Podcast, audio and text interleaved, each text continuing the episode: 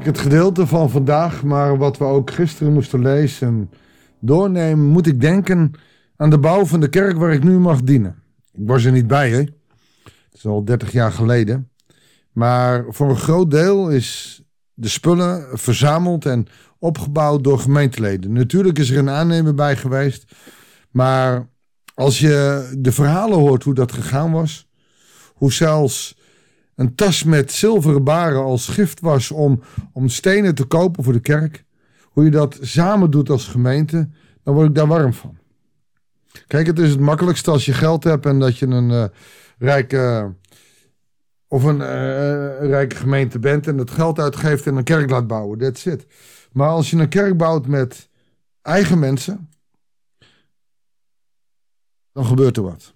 En dat, daar moest ik aan denken toen ik het gedeelte uit Nehemia las, waar gebouwd wordt aan de muren van Jeruzalem.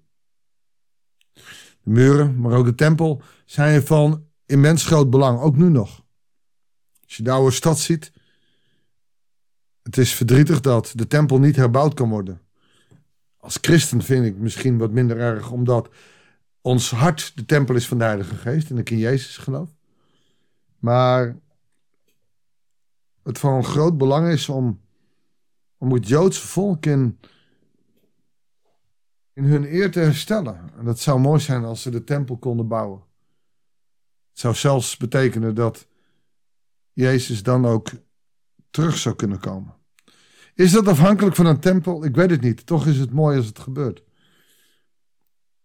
Lees in ieder geval in Nehemia dat de tempel weer werd opgebouwd na een lange tijd van ballingschap. En dat is ook meteen de bemoediging die we mogen hebben, ook voor Israël.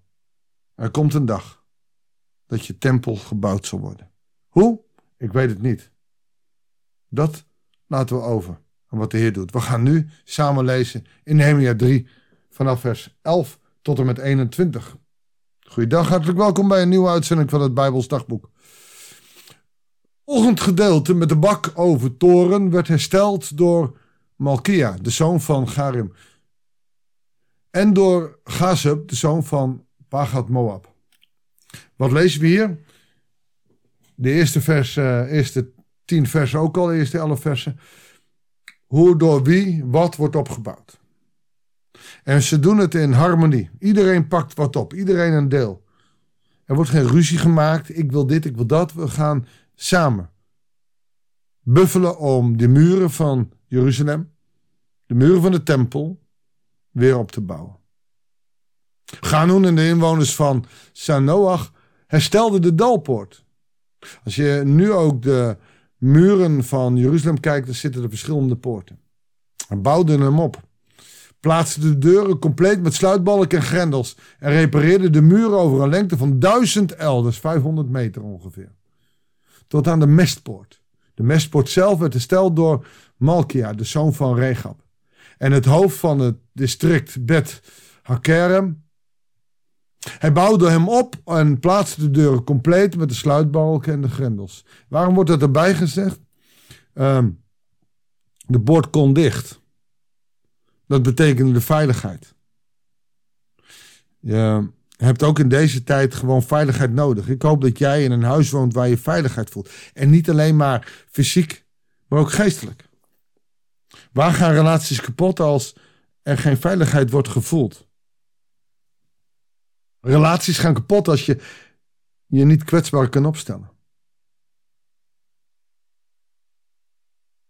En zo staan ook symbolisch de poorten voor de veiligheid van Jeruzalem. Weet je, die houten poorten die kun je zo weer inhakken. Dan kun je fikje steken en ze zijn weg. Maar ze staan symbool voor het feit dat God het volk zal beschermen. Het is toch ook in je huis als je je deur dicht hebt. Weet je, een flinke beuker aan en de deur ligt eruit. Maar het geeft je toch bescherming. Salun, de zoon van Kolgoze en het hoofd van het district Mispa, herstelde de bronpoort. Bouwde hem op, legde het dak en plaatste de deuren, compleet met sluitbalken en grendels. Hij repareerde de muur die van de waterbekken van het kanaal naar het paleistuin loopt tot aan de trappen die leiden naar de Davidsburg. Verderop werkte Nehemia, de zoon van Asbuk. En het hoofd van de ene van het district Betsur. Tot tegenover de graven van het huis van David. En verder tot aan de aangelegde waterbekken en het huis van de helden. Daarnaast werkten de levieten Regum, de zoon van Bani en Gasabia, het hoofd van de ene helft van het district van Kaili, namens, de, namens dat district. Het volgende deel werd hersteld door verwanten van hen. Benui, de zoon van Genadat, en het hoofd van de andere helft van het district Kaila. En Eber, de zoon van Jesua, en het hoofd van Mispa, herstelde het gedeelte tegenover de helling van de water, wapendepot bij de punt. Met grote ijver herstelde Baruch, de zoon van Sabia, Sabai, sorry, een volgend deel van de punt tot de ingang van het huis van El de hoge priester. En Meromot, de zoon van Uria, de zoon van Hakos, herstelde nog een stuk. En wel van de ingang bij het huis van El tot aan het einde daarvan. Het grappige is, wat je hier leest, is dat ze met z'n allen de schouders eronder zetten van de hoek, van de punten. Weet je, we weten eigenlijk niet eens precies wat er bedoeld wordt. Je kan de kaarten behalen en je kunt op internet gewoon zien welke stukken het zijn. Maar het is niet eens belangrijk. Wat je ziet, is dat mensen geloven. Ze, ze, ze, geloven dat God hun helpen zal. En dat betekent niet dat ze dan stil maar wachten, maar God zal die muren wel herstellen. Nee, ze krijgen zoveel energie. Doordat Nehemia uit Perzië is gekomen, uit de burger van Susa, met de vrijbrieven en dat hij geraakt was, bemoedigt deze mensen en ze gaan met z'n allen de schouders onderzetten. En zo moet het ook zijn met de kerk in Nederland. Alleen wie gaat die brieven schrijven? Wie gaat er aan de gang? Afgelopen zaterdag had ik een dag van de Bond van Vrije Evangelische Gemeentes. En daar was Rico Voorberg. Misschien ken je hem wel. Hij heeft een boek geschreven. En hij inspireerde me. Als kerken willen wij de oplossing geven aan mensen in verdriet, pijn en moeite en aan ongelovigen. Ze moeten de Bijbel lezen, geloven, naar de kerk gaan. En... Terwijl dat niet het antwoord is wat mensen zoeken. Als mensen in de duisternis leven of het moeilijk hebben, dan gaat het er niet om dat wij een pasklaar antwoord hebben, maar durven we naast mensen te gaan staan. Wij moeten de muren anders instellen, niet op de manier waarin de traditie het heeft aangegeven. We moeten anders kerk zijn, we moeten de straat op, we moeten de mensen ontmoeten, midden in de ellende. Dan moeten we geen pasklaar antwoord hebben, maar we moeten stotterend naast hen staan. En soms onze mond houden, om de liefde van Jezus door je mond te houden te laten zien. Want God werkt door ons heen. Niet door onze structuren en instituten door ons mensen. En wij mogen ons in die instituten laten inspireren om, om op straat te gaan staan, om in de duisternis onze buren, onze kinderen, onze kleinkinderen te zoeken en te vinden. Zodat de muren van Jeruzalem weer worden gebouwd. Kerk is een gestructureerde, geïnstitutionaliseerde kerk, kan geen muren bouwen.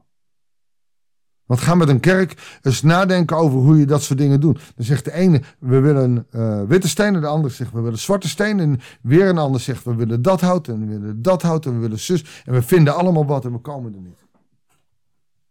Moeten de kerkmuren achter ons laten. We moeten de wereld in. Want in die wereld kunnen wij Jezus ontdekken door naast mensen te gaan staan. Te zijn.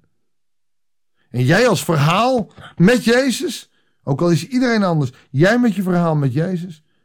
Zonder het door de strot van de ander te douwen. Gewoon er zijn voor de ander. De kerk moet veel meer weer de wereld in. We moeten stoppen met het instituutje spelen. We moeten Jezus zijn in deze wereld. Want dan gaan mensen meebouwen.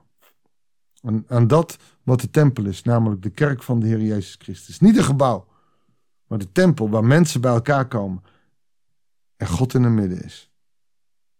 Heer, zegen het werk van ons handen. Niet het in stand houden van instituties. Het is goed dat we kerk hebben en daar mogen we groeien. Maar van maandag tot en met zaterdag moeten wij de kerk zijn in deze wereld. Wilt u dat in ons hart geven? Zodat er net als in de brief van Nehemia, Heere God, wat we lezen in, in het boek van Nehemia, dat, dat we met elkaar gaan bouwen. De kerk van alle tijden. De kerk in deze wereld wil ons daarvoor zegenen. Dat bidden we u in Jezus' naam. Amen.